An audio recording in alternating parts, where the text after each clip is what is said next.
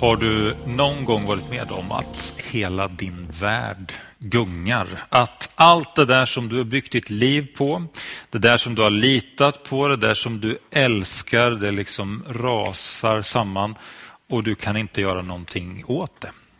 Idag så tänkte jag ta med dig till psalm 46 och, dela några tankar med dig där utifrån den salmen och jag hoppas att det ska kunna få vara till hjälp för dig. Vi läser psalm 46 tillsammans. Gud är vår tillflykt och styrka, en hjälp i nöden väl beprövad. Därför räds vi inte även om jorden ger vika och bergen störtar i havets djup. Om vågorna brusar och svallar så att bergen bävar vid deras uppror. En ström går fram med flöden som ger glädje åt Guds stad, den högstes heliga boning. Gud bor där inne den vacklar inte. Gud hjälper den när morgonen gryr. Folken larmar, riken vacklar. Han höjer sin röst, då smälter jorden. Herren Sebaot är med oss, Jakobs Gud är vår borg. Kom och se Herrens verk, häpnadsväckande saker gör han på jorden. Han stillar strider över hela jorden, han bryter bågen och bräcker spjutet, bränner upp vagnarna i eld. Bli stilla och besinna att jag är Gud, upphöjd bland folken, upphöjd på jorden. Herren Sebaot är med oss, Jakobs Gud är vår borg. Den som skrev de här verserna måste någonstans ha varit med om att all trygghet försvinner eller försvann. Lyssna på de här orden. Även om jorden ger vika och bergen störtar störtar i havets djup, om vågorna brusar och svallar så att bergen bävar vid deras uppror. Och lite längre fram, folken som larmar och riken som vacklar. Det här är ord som beskriver hur en människas värld rasar samman. Eh, det är till och med ord som beskriver hur hela riken och nationer kan vackla. Jag vet inte om du har varit med om någonting som kan liknas med det. Och jag vet inte hur det i så fall såg ut för dig. Jag vet inte vad som hände. Men jag är ganska säker på att du någon gång under ditt liv kommer att få uppleva det. För det är så det är att vara människa. Alla går igenom tider när man tappar fotfästet och världen rasar. Det ser förstås väldigt olika ut jag har inte varit med om det som du har varit med om och du har inte upplevt det som jag har upplevt. Men alla människor drabbas förr eller senare utav livets bräcklighet. Jag växte upp med att min pappa var sjuk. När jag var liten, kanske två år, så fick pappa sin första hjärtinfarkt. Och sen med jämna mellanrum under tiden som jag växte upp så fick han hjärtinfarkt på hjärtinfarkt. Och Jag kommer ihåg en gång när jag var kanske 8-9 år gammal och vi skulle spela fotboll. Det var jag och en kompis och hans pappa. Och så var min pappa med och så spelade han fotboll. Han var väl kanske med 10 minuter och han slog kanske några passningar och sen så orkade han inte riktigt mer. Men jag var väldigt glad för att pappa var med. Det betydde mycket de där 10 minuterna. Tyvärr så blev det så att några dagar senare så fick pappa en hjärtinfarkt till. Och jag tror inte att man kanske behöver koppla ihop de där händelserna eller att de har någonting med att göra, det, göra med varandra. Det är inte säkert att, att pappa hade sluppit en hjärtinfarkt om han inte hade spelat tio minuter fotboll. Det var ingens fel det som hände. Men detta att leva i ovisshet om det som är säkert och det som man kan lita på. Det som man kan ha sin trygghet i och inte veta riktigt om det kommer hålla eller inte. Jag tror att det påverkade oss som familj. Jag tror att det påverkade min pappa. Kanske skulle man kunna uttrycka det med orden från psalm 46. Jorden ger vika och bergen störtar i havets djup. Frågan är, vad är det vi bygger våra liv på? Vad lutar vi oss mot? Vad är det som ska hålla upp oss i livet? Vad är det vi litar på? Alltså, du kanske litar på din goda hälsa, du kanske litar på att du är stark och frisk. En annan kanske litar på sin goda ekonomi och tänker att det här ordnar sig. Någon annan tänker att jag har ett bra och stabilt och tryggt arbete och det kan jag luta mig mot. Någon har sin familj som den punkten i livet som man kan, kan finna fäste i. Och för någon annan så är det ett socialt sammanhang som man är i som man känner att här har jag min trygghet. Det finns många saker som vi människor kan lita på och sätta vår tillit till. Saker som vi finner trygghet i. Tyvärr så är det ju så att alla de här sakerna är bristfälliga. Den som är stark och har en god hälsa kan drabbas av sjukdom. Den som har en god ekonomi kan inse att oj, mina investeringar slog fel. Den som har sin trygghet i sin eh, profession och sin identitet i, i arbetet kan uppleva att man blir av med det arbetet och blir arbetslös. Den som har sin trygghet uppbyggd på andra människor kan märka att en dag så kanske man står där övergiven eller lämnad. Vad gör man när det som är tryggt i livet rycks undan? När det man finner styrka i helt och hållet plötsligt försvinner? Ja, för den som skrev de här verserna i den här salmen så var det så här. Gud är vår tillflykt och styrka, en hjälp i nöden, väl beprövad. Gud är väl beprövad. Från generation till generation så finns det människor som har litat på Gud och de har funnit att det håller. När min pappa blev sjuk så var det ett svårt slag för honom. Han hade varit en väldigt aktiv person, en person som älskade att finnas med och hjälpa till med det som han kunde och det som han liksom kunde bidra med. Han var sångare och musiker. Jag tror att han sjöng nästan varje helg eh, sjöng han solo. Han ledde församlingens kör och under de här åren innan han blev sjuk så sjöng han på hundra begravningar varje år. Eh, och till det så hade han ett heltidsarbete. Och så kom sjukdomen och inget av det där kunde han fortsätta med, utan han var tvungen att lägga av sig allt det. Vad gör man då med livet? När det som man liksom har byggt livet omkring, med det som är ens identitet och ens trygghet, när det inte riktigt finns kvar. Ja, jag vet att det var inte så enkelt för min pappa att, att gå igenom det. Det påverkade honom. Men det som också det gav till honom var en varm trygghet i att Gud höll honom i sin hand. Och det kunde man märka på honom. Jag minns när pappa skulle opereras i Lund. Och på den här tiden så var det en ganska stor operation och den gjordes bara på några olika ställen, i två, tre olika ställen i Sverige. Eh, så det var en ganska stor sak. Eh, och Jag kommer ihåg den där dagen, jag var i eh, mitt hem i Västervik och så gick jag till skolan och den där dagen när pappa skulle opereras så fick jag vid två tillfällen ungefär samma fråga. Först var det min, min eh, lärare som frågade mig, Niklas, hur är det, hur mår du? Och sen lite senare på dagen så var det en kompis som kom fram till mig och så frågade han, Niklas, hur är det, hur, hur mår du? Och, och, grejen var det att jag, jag fattar liksom inte riktigt vad det var de menade. Vad, vadå, har det hänt något? Och, och grejen var den att jag hade helt tappat bort, eller jag hade glömt att pappa faktiskt var i Lund och låg på operationsbordet. Jag, av någon anledning så var det så att jag var trygg.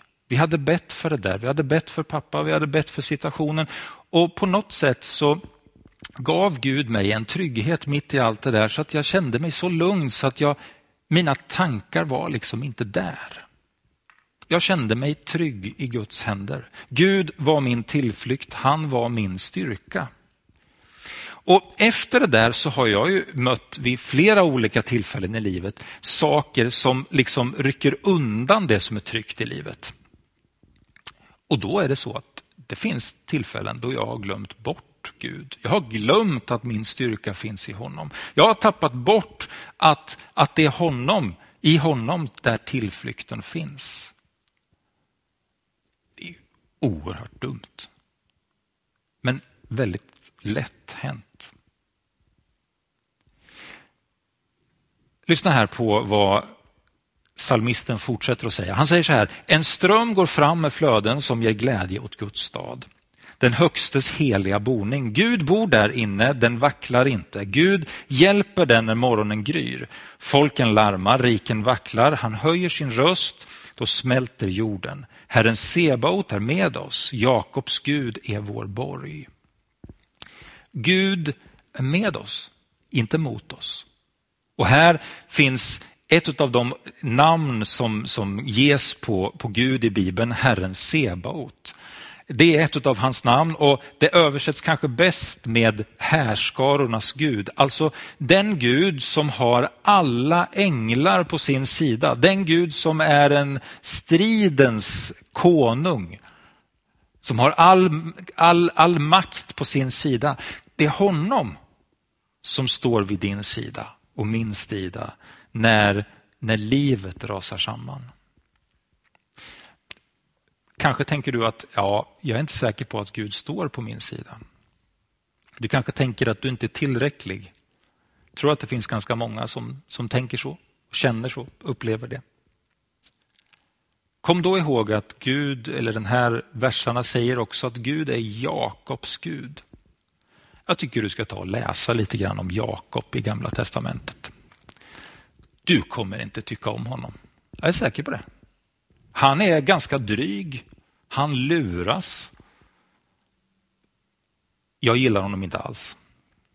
Men, men grejen är det att Gud överger inte honom. Och genom hans livshistoria så förvandlas han, dels genom det som livet gör med honom, men dels också med det som Gud gör i hans liv. Och så blir han och utvecklas han till någonting som är, är fint och vackert också. Och Gud ger aldrig upp om Jakob. Och han kommer aldrig ge upp om dig. Gud är Jakobs Gud och Gud är din Gud. Gud är Niklas Gud. Gud är Malins Gud. Gud är Peters Gud. Gud är Almas Gud. Gud är Eriks Gud. Gud är din Gud. En annan sak som författaren pratar om det är Guds stad. Vad är då det här Guds stad? Ja, naturligtvis så är det väl Jerusalem som, som författaren tänker på. Men, men det är också en metafor för, för dig och mig. Du vet att eh, författaren han skriver att, Guds, att Gud bor där inne i den där staden.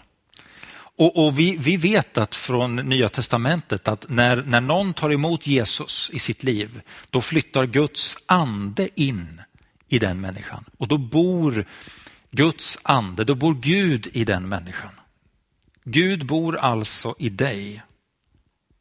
Och så skriver då salmisten så här att han vill låta en ström gå fram över dig som ger glädje mitt i allt det här som händer i livet, mitt i allt det här som rasar samman, så finns det någonting som kan komma ifrån Gud, därför att du har Gud på insidan. Som ger dig glädje, som kan ge dig frid, som kan ge dig eh, kärlek. Det du behöver för att klara av det som du står i. Och han vill låta det skölja över dig. Men hur tar man emot det där? Ja, han ger ett svar.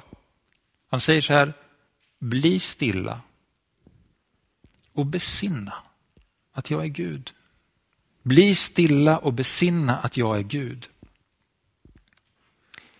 Det här är uppmaningen från Guds ord till dig och till mig i den här tiden. Bli stilla, besinna att jag är Gud.